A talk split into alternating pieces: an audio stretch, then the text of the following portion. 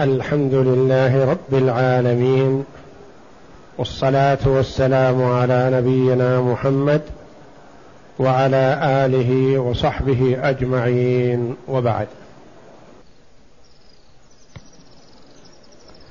تقدم لنا الكلام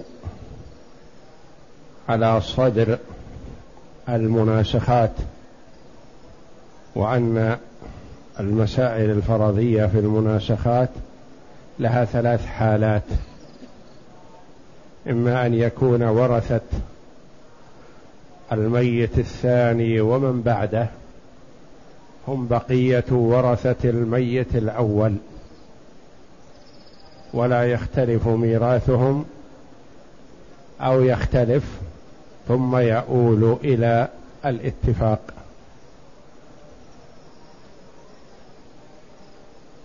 وهذه الطريقة تختصر قبل العمل فتكون المسألة واحدة من عدد رؤوس من بقي.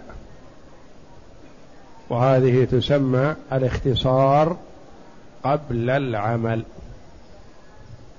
يعني بدل من أن نجعل سبع مسائل أو أكثر أو أقل نختصرها بمسألة واحدة من عدد رؤوس من بقي.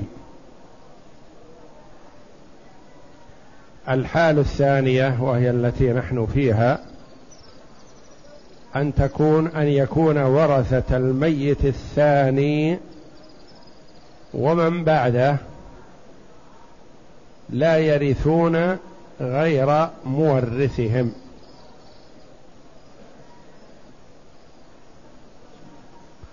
بعكس السابقة.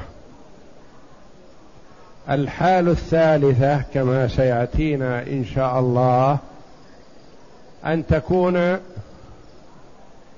مزيجة من الأولى والثانية. أن يكون ورثة الميت الثاني ومن بعده ورثوا من الأول ومن بعده وورث معهم غيرهم واختلف ميراثهم من ميت لميت. ورثت المرأة من الميت الأول بصفة زوجة ثم ورثت من الميت الثاني بصفتها أم ثم ورثت من الميت الثالث مثلا بصفتها جدة ثم ورثت من الميت الرابع مثلا بصفتها زوجة أخرى وهكذا.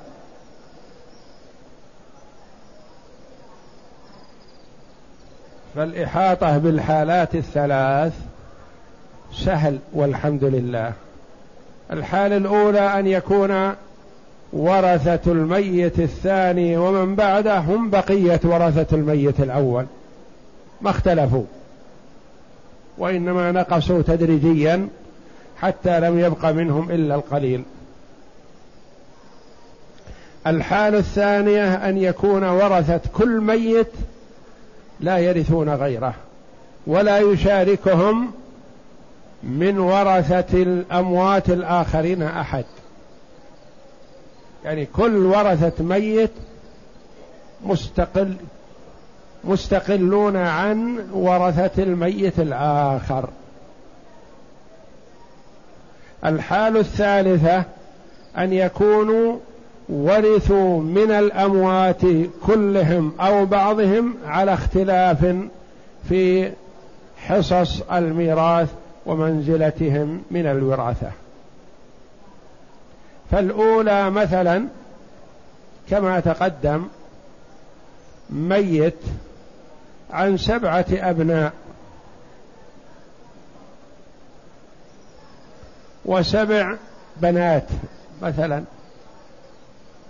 مات ابن عن بقية إخوته وأخواته. ماتت بنت عن بقية إخوتها وأخواتها. مات ابن آخر عن بقية إخوته وأخواته. ماتت بنت عن بقية إخوتها وأخواتها ما بقي إلا ذكر وأنثى. فقط. المسألة من كم؟ من ثلاثة. للذكر سهمان وللأنثى سهم واحد.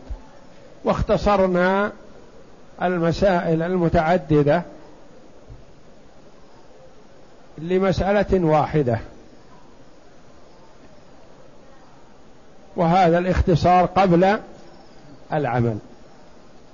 الحالة الثانية تصورها معي. الميت الأول خلف ورثة. ورثة الميت الأول حينما مات بعضهم كل واحد له ورثة مستقلون. كل واحد ورثته يختلفون عن ورثة الآخر. مثلا ميت مات عن خمسة أبناء. الأول مات عن زوجة وأبناء. الثاني مات عن زوجة وأبناء. الثالث مات عن زوجة وأبناء. الرابع مات عن زوجة وأبناء. الخامس باقي. ورثت كل ميت ما يرثون من غيره. لأن كل ابن من هؤلاء الأبناء أو بنت من هؤلاء أو زوجة من الزوجات ورثتها مستقلون. وهذه الحال الثانية. وعرفنا أن صفة العمل فيها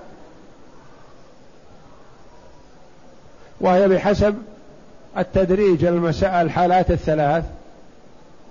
المسألة الحالة الأولى في مسألة واحدة فقط. الحالة الثانية في مسائل متعددة بحسب عدد الأموات لكن الجامعة واحدة. الحال الثالثة كما سيأتينا مسائل متعددة وجامعات متعددة. فمثلا في الحالة الثانية نصحح مسألة الميت الأول ثم نصحح مسألة الميت الثاني. ثم نصحح مسألة الميت الثالث ولا ننظر إلى جامعة ولا نستخرج شيء. ثم الميت الثالث ثم الرابع ثم ما تعددوا. فإذا أنهينا الجميع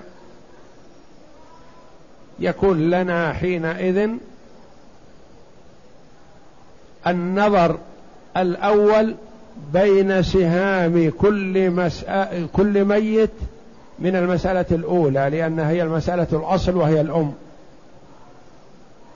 سهامه ومسألته لا يخلو إما أن تنقسم أو توافق أو تباين. ففي حال الانقسام ما نحتاج إلى شيء منها ولا نأخذ منها شيء. نكتفي بالمسألة الأولى.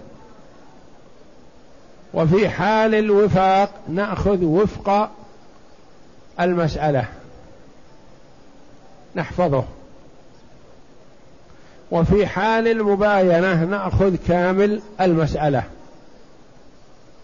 ثم لنا النظر الثاني بين المثبتات التي هي المسائل. وما أثبت تحت كل مسألة. المسألة الأولى مثلا من ثمانية لكن بالنظر بينها وبين سهام المورث وجدنا بينهما موافقة بالنصف فاكتفينا من الثمانية بأربعة. ننظر بين المثبتات وهذا لا يخلو إما أن تتماثل فنكتفي بأحدها أو تتواف أو تتداخل فنكتفي بالأكبر أو تتوافق. فنأخذ وفق أحدهما ونضربه في كامل الآخر. أو تتباين فنأخذ واحدة ونضربها في الأخرى. وهكذا. والناتج نأخذه معنا نسميه كجزء السهم للمسألة الأولى. يضرب في المسألة الأولى والناتج هو الجامعة للمسائل كلها مهما تعددت.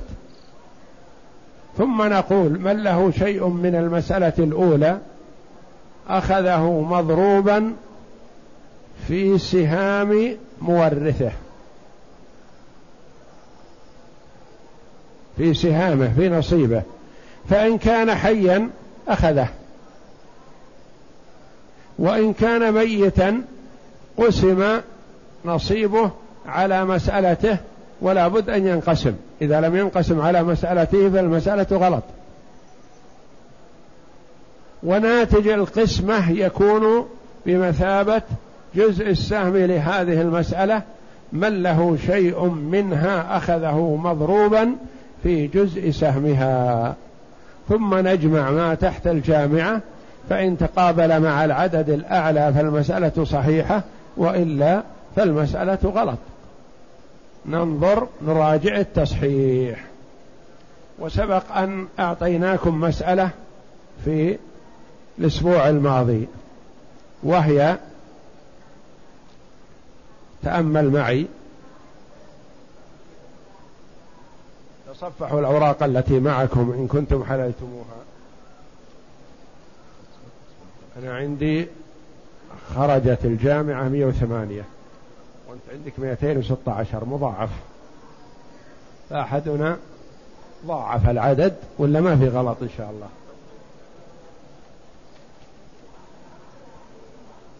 216 بعد مثله.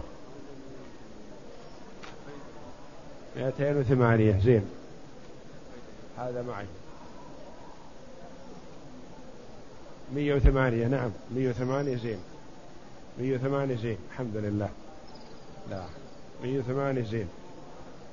216 ما يعتبر غلط لكنه تضاعف العدد. وحنا نطلب الاختصار قدر الإمكان.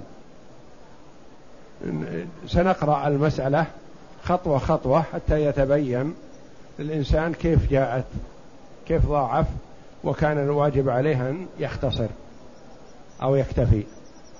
نقول المسألة تصفحوا معي. أخت شقيقة وأخت شقيقة وأخ لأب وأخ لأب.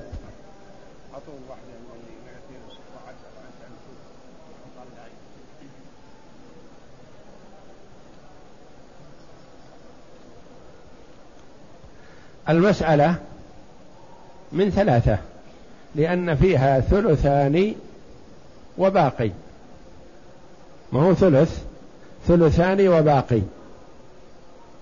المسألة من ثلاثة للأختين الشقيقتين الثلثان لكل واحدة واحد اثنان. والباقي واحد للأخ لأب وأخته. رؤوسهم ثلاثة وسهامهم واحد غير منقسم ثلاثة في ثلاثة فتصح من تسعة. فنعطي الأخت الشقيقة الأولى واحد في ثلاثة بثلاثة والثانية واحد بثلاثة بثلاثة. والأخ لأب وأخته لهما واحد في ثلاثة بثلاثة للأخ اثنان وللأخت واحد. إلى هنا نتفق مع أصحاب المائتين والثمانية والستة عشر. ماتت الأخت الشقيقة الأولى عن زوج وثلاث بنات وابن ابن ألحقناه هذا أخيرا من أجل أن يأخذ الباقي. إذا كانت المسألة فيها زوج وبنات الزوج له الربع والبنات لهن الثلثان. مخرج الربع من أربعة ومخرج الثلثين من ثلاثة ويصح من ستة ويصح من تسعة وكل هذه ما يصح أن يخرج منها الربع. يتفق الثلثان والربع في الاثني عشر. لأن مخرج الثلثان مخرج الثلثين من ثلاثة ومخرج الربع من أربعة. إذا نظرنا بين الثلاثة والأربعة نجد بينهما مباينة. نضرب ثلاثة في أربعة فيكون اثنى عشر وهو مخرج الجميع. إذا المسألة من اثني عشر. للزوج الربع ثلاثة.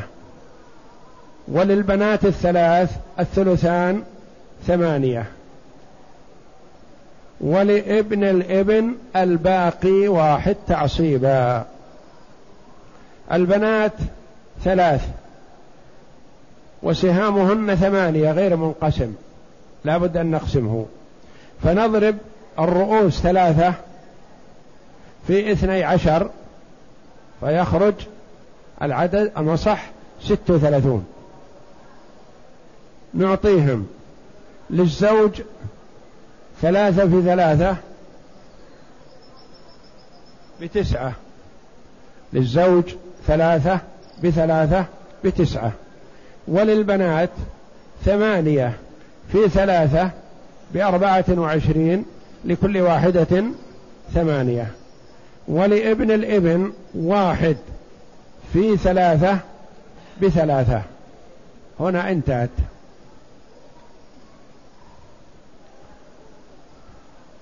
ونحن نتفق معهم في هذا. الأخت الشقيقة الثانية ماتت عن زوج وابن وبنت.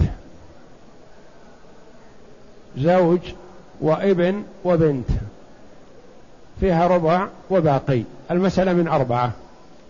للزوج الربع واحد وللابن والبنت الباقي ثلاثة للذكر مثل حظ الأنثيين للابن اثنان وللبنت واحد. منقسمة عليهم. هذه انتهينا منها. أصلها من أربعة وصحت من أربعة. ورثت الأخ لأب. الأخ لأب خلف زوجة وابنين وثلاث بنات.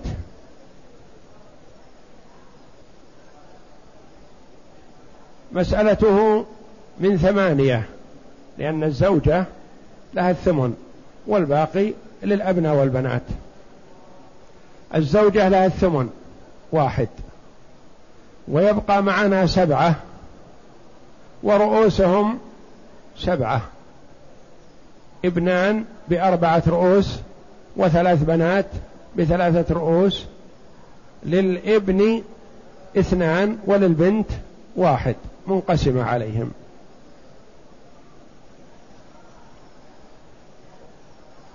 انتهينا من تصحيح المسائل الأربع. المسألة الأولى التي هي الأم والمسائل الثلاث المتفرعة عنها. الأولى من المعلوم صحت من تسعة. الثانية صحت من ست وثلاثين. الثالثة صحت من أربعة. الرابعة صحت من ثمانية.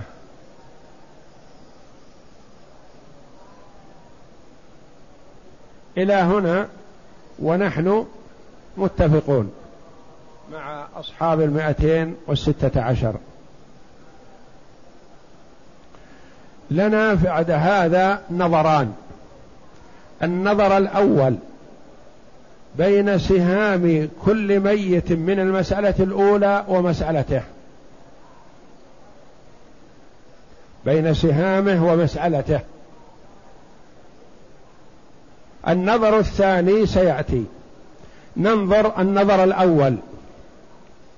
بين سهام الأخت الشقيقة من المسألة الأولى كم؟ ثلاثة. ومسألتها من ستة وثلاثين. بينهما موافقة بالثلث. ثلث. الثلاثة كم؟ واحد. وثلث الستة والثلاثين اثنى عشر. ماذا نثبت؟ اثنى عشر.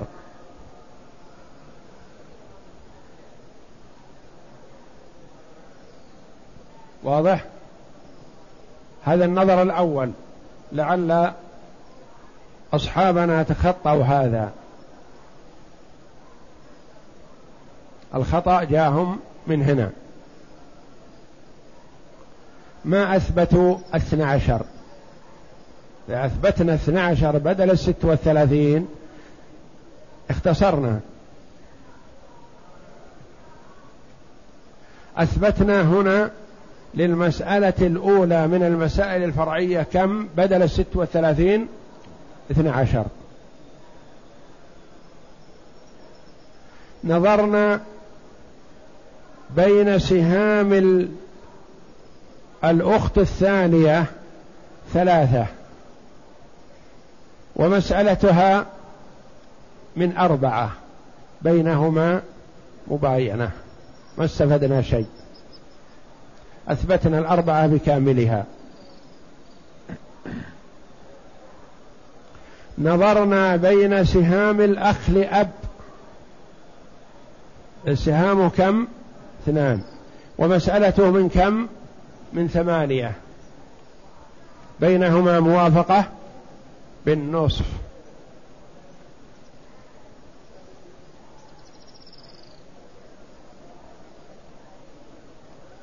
نصف الثمانية كم؟ أربعة, أربعة. كم صار عندنا المثبتات في رؤوس المسائل الفرعية؟ المسألة الأولى اثنى عشر. المسألة الثانية أربعة. المسألة الثالثة أربعة. لاحظنا أن الأربعة والأربعة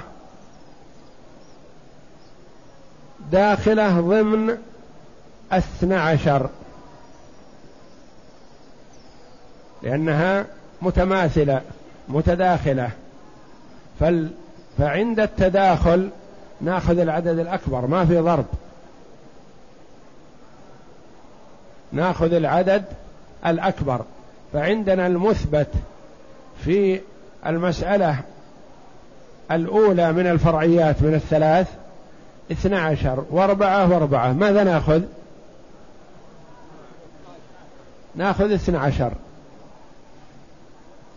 الاثنى عشر نضربها في كم؟ في التسعة.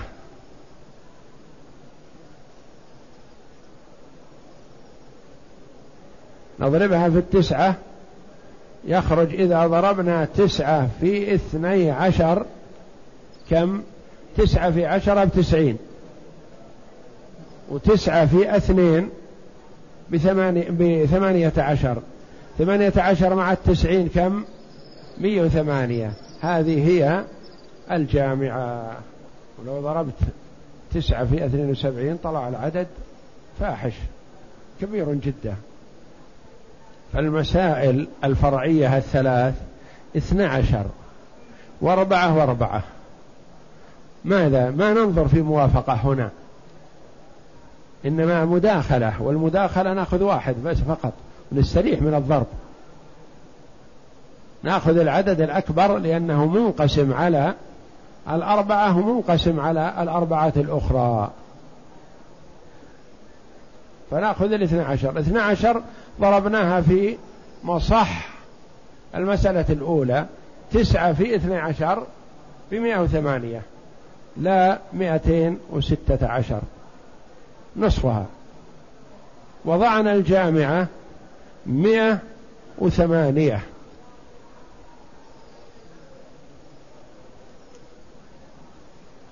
ثم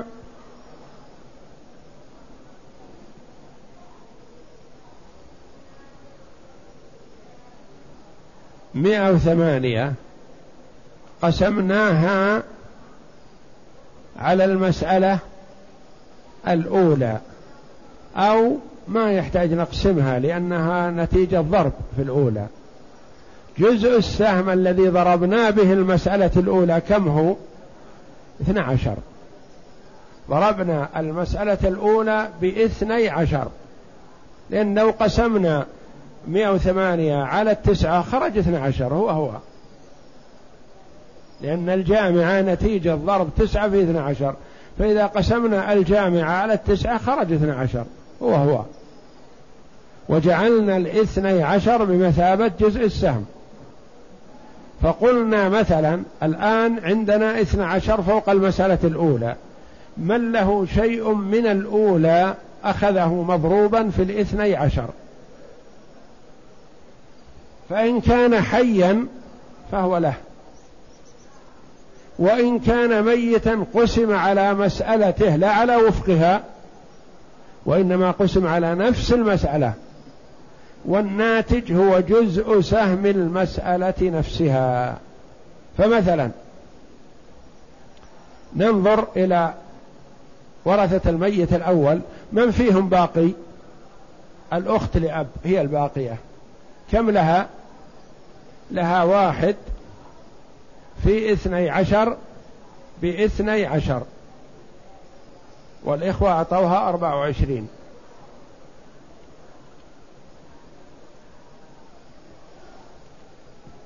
لو اختصروا بعد العمل ممكن. ممكن أن يقسموا كل عدد من الأعداد الموجودة لديهم على اثنين فيخرج العدد هو 108 لأن كل قابلة على القسمة. ما لاحظ والإختصار بعد العمل. وقد مر علينا. فالأخت لأب لها واحد باثني عشر باثني عشر. نأتي إلى زوج الأخت الشقيقة الأولى. أو إلى الأخت الشقيقة الأولى. لها ثلاثة من المسألة الأولى في اثني عشر بكم؟ ستة وثلاثين. ستة وثلاثين اقسمها على مصح مسألتها كم؟ ست وثلاثون. ينتج واحد. جزء سهم المسألة الثانية واحد. فنقول للزوج تسعة في واحد بتسعة. وللبنت ثمانية في واحد بثمانية. وللابن الابن له ثلاثة في واحد بثلاثة. انتهينا من الميت ورثة الميت الثاني.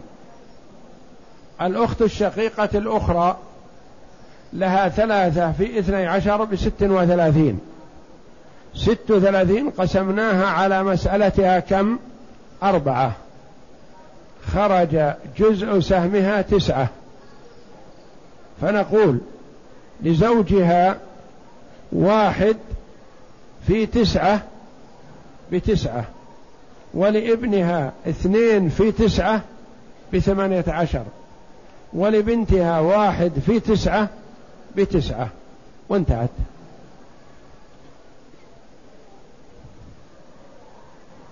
ونصيبها هو ستة وثلاثون قسم على ورثتها كما أن نصيب الشقيقة الأولى ستة وثلاثون قسم على ورثتها. جئنا للأخ لأب. له اثنان في اثني عشر بكم؟ بأربعة وعشرين. اقسمها على أصل مسألته التي هي ثمانية. خرج له جزء سهمها ثلاثة. فنعطي زوجته. زوجته له لها واحد في ثلاثة بثلاثة. وللابن اثنين في ثلاثة بستة. والابن الثاني مثله. والبنت لها واحد في ثلاثة بثلاثة. والبنات الباقيات مثلها. نجمع ما تحت الجامعة. نجدها اثنى عشر وتسعة وثمانية وثمانية وثلاثة وتسعة وثمانية عشر وتسعة وثلاثة وستة وستة وثلاثة وثلاثة وثلاثة. مجموعها مئة وثمانية. بدون أن تصل إلى ستمائة وثمان وأربعين إلى آخره. هي مئة وثمانية فقط. المئة والثمانية ما تقبل الاختصار لأن إذا نظرنا ما تحتها منها ما يقبل القسم على اثنين ومنها ما لا يقبل القسم على اثنين. منها ما يقبل القسم على ثلاثة ومنها ما لا يقبل القسم على ثلاثة وهو الثمانية المكررة. لولا الثمانية المكررة هذه ثلاث مرات لقبلت القسمة على ثلاثة لأن جلها يقبل القسمة على ثلاثة لكن الثمانية ما تقبل. فالجامعة إذا مئة وثمانية وهكذا. اكتب هذه المسألة. لابد من دفاتر مرتبة. ما يصلح وراك تحلت وتضيع.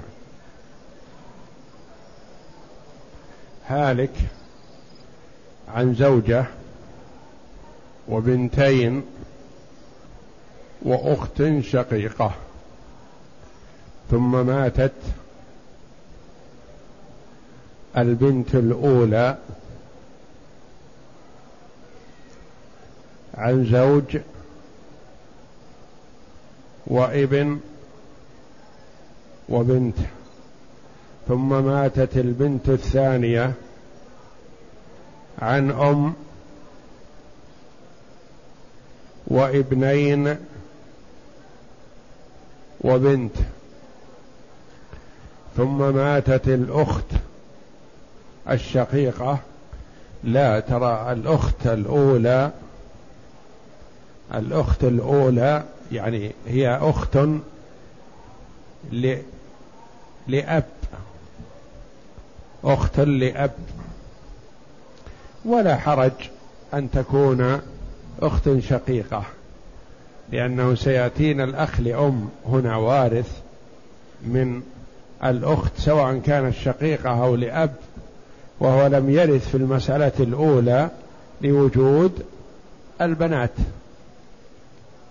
يعني ما يصلح أن نتصور مسائل ما تصح بعضها هنا يصح.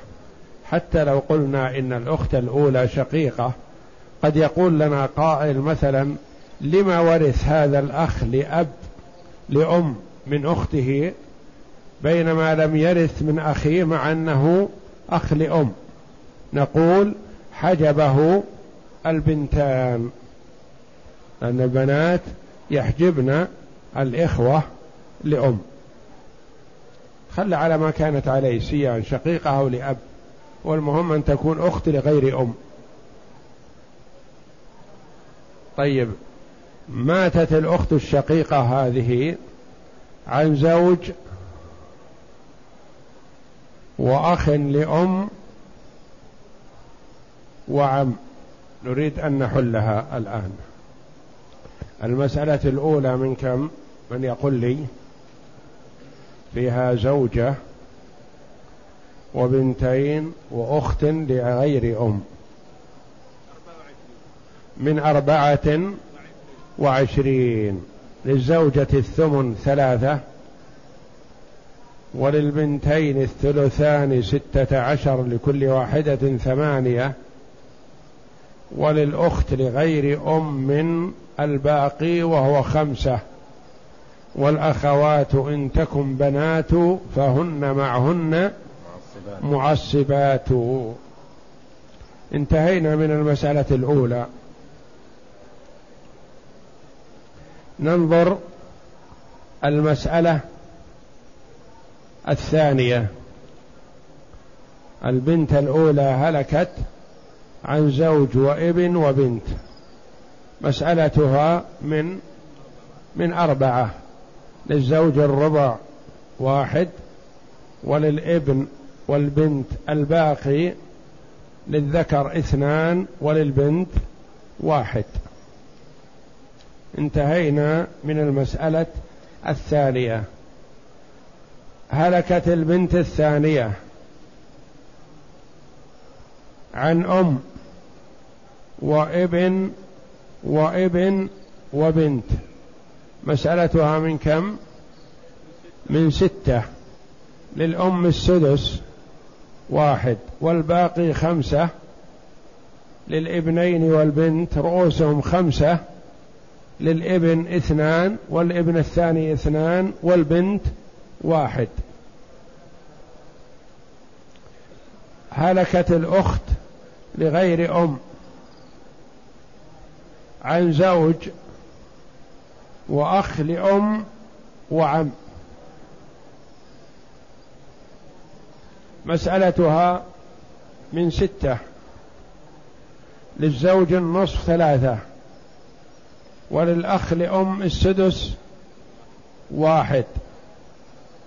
والباقي للعم اثنان.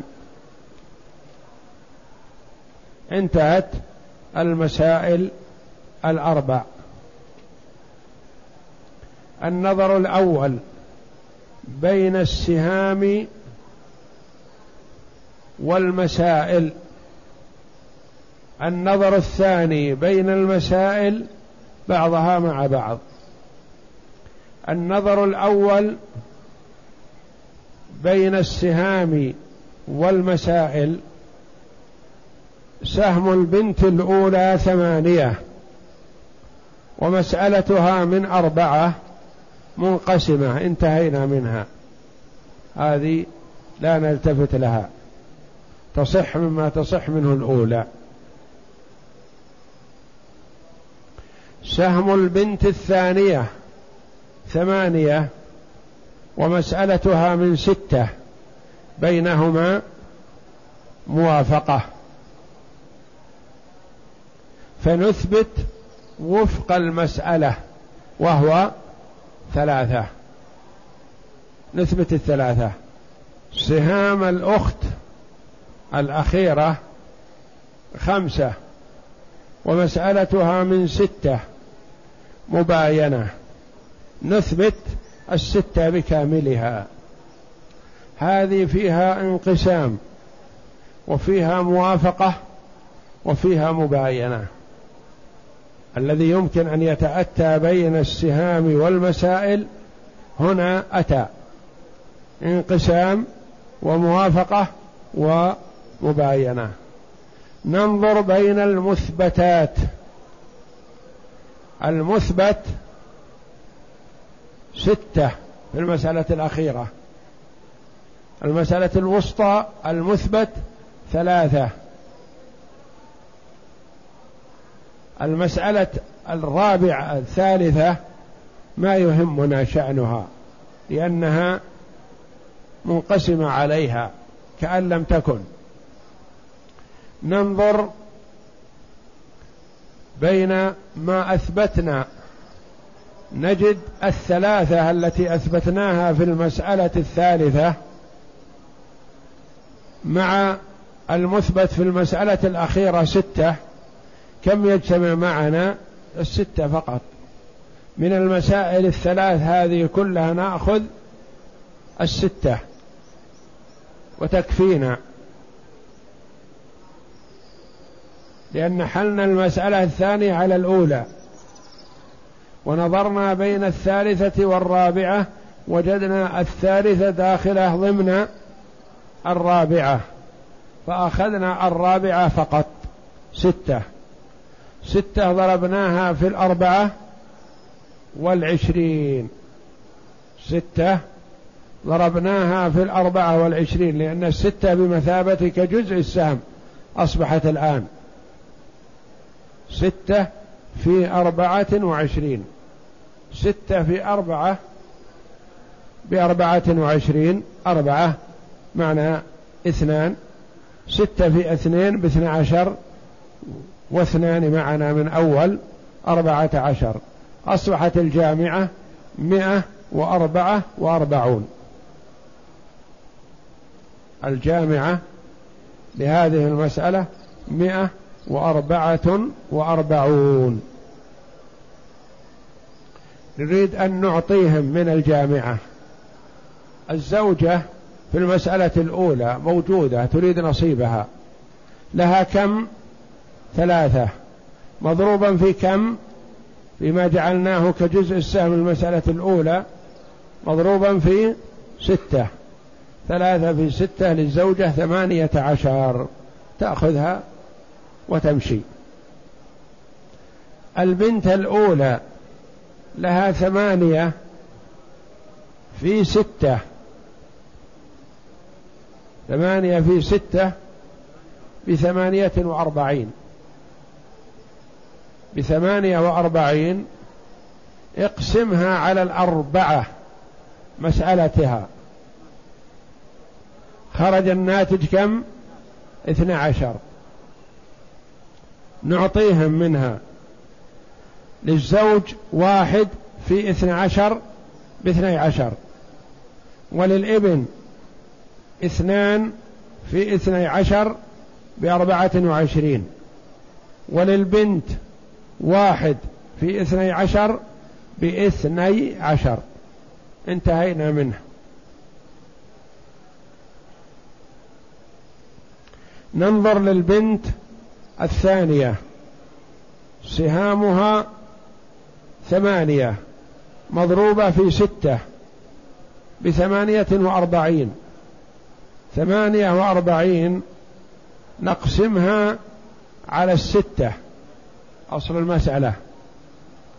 نقسمها على الستة ينتج جزء السهم ثمانية.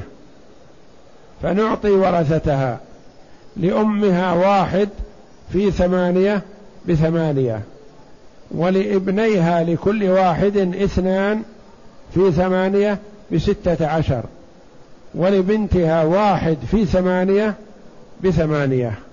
انتهينا منها. للأخت الأخيرة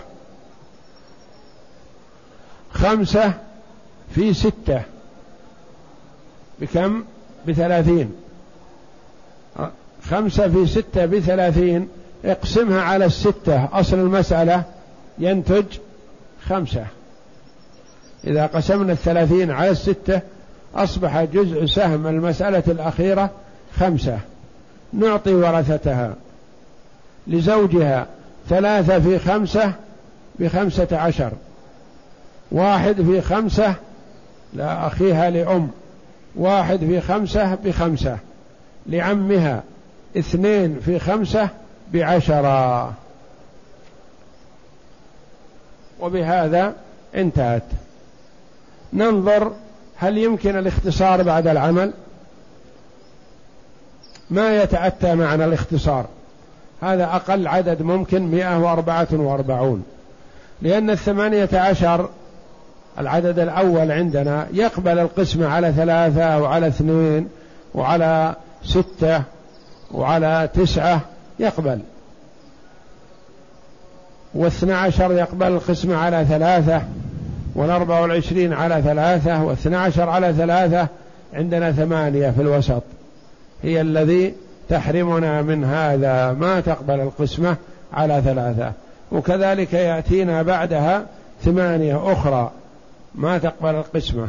وعندنا خمسة نصيب الأخ لأم والعشرة ما يقبل القسمة على ثلاثة وهكذا.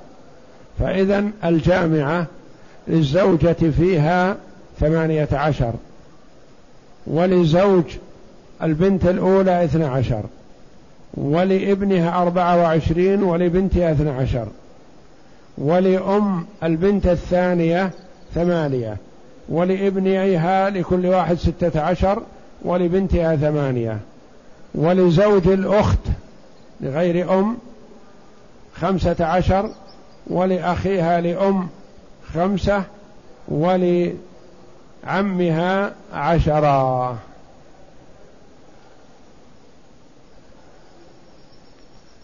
كتبت عليها تعريف. الأولى صحت من أربعة وعشرين. أعطيكم الورقة.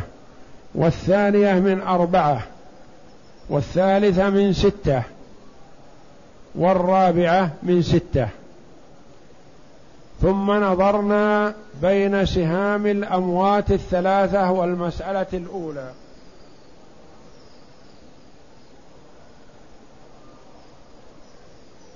فوجدنا سهام الميت الميتة الأولى منقسمة على ما فوجدنا سهام الميت الأول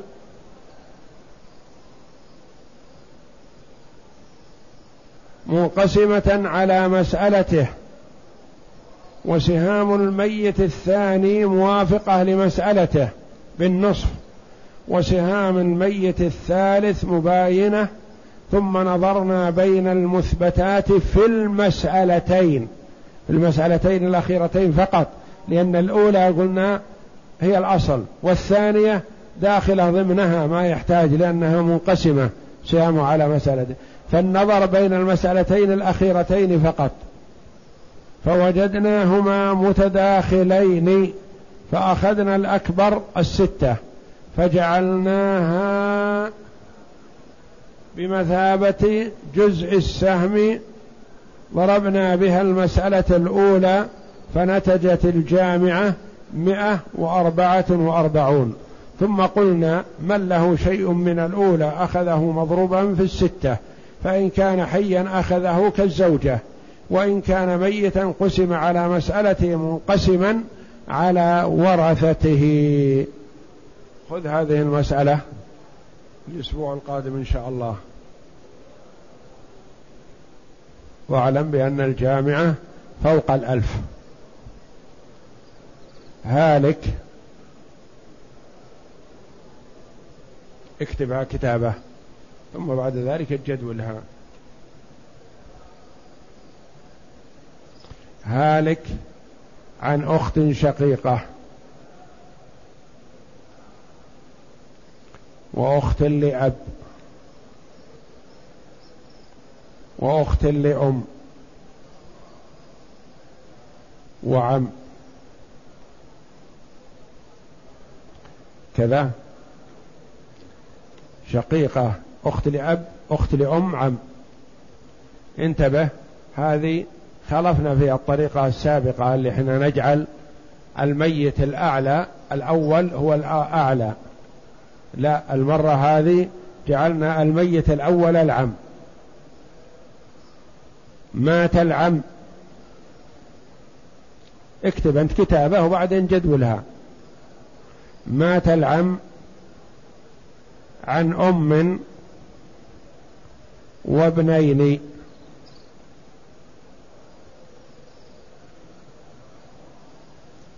وماتت الأخت لأب.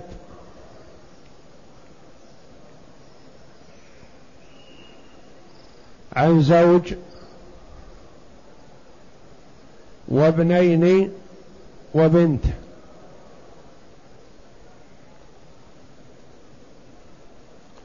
وماتت الأخت لأم.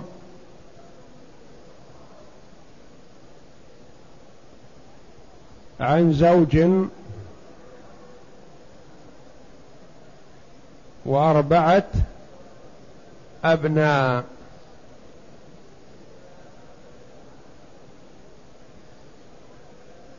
لو كان ثلاثة أبناء صارت أسهل لكن حبينا نخلفها. وانظر إلى الأموات ما كانوا على نسق. أول مات الأخير الأسفل العم. ثم ماتت الأخت لأب اللي هي أعلى. ثم ماتت الأخت لأم التي هي بالوسط. وكل ميت تضع وزانه التاء دعامة الموت وورثته أسفل منه. على شكل الجداول السابقة. هكذا. لا هذه محلولة ما يمكن أعطيكم إياها إلا الأسبوع القادم إن شاء الله. من أجل أن لا تتيه في متاهات المسألة الأولى صحت من ستة. والمسألة الثانية أصلها من ستة وصحت من اثني عشر.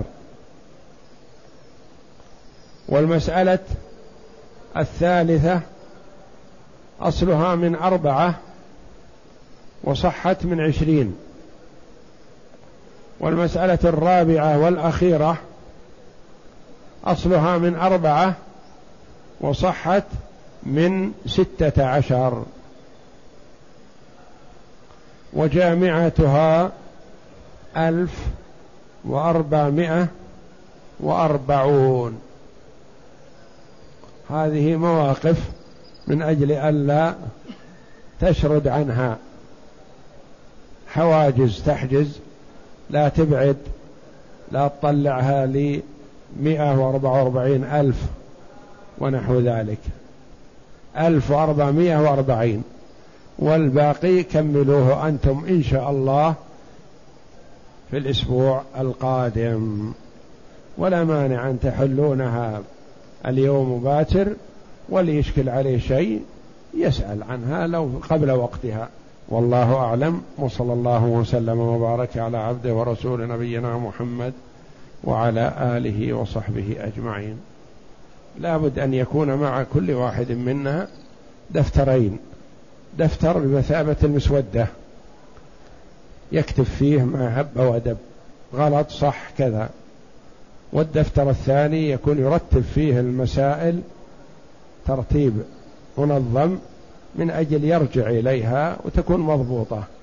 ما ينقلها في الدفتر مبيض إلا بعد التأكد من صحتها والدفتر الأول اكتب فيه.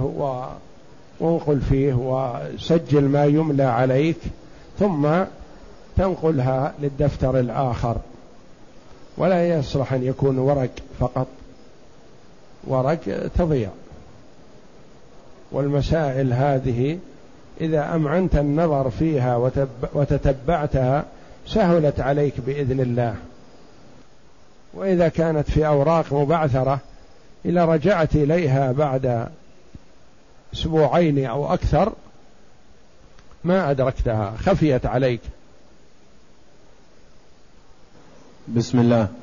يقول أنا أتيت معتمرا وطفت ثم سعيت ثم قصرت فهل علي طواف وداع؟ يقول الأخ إنه قدم معتمرا.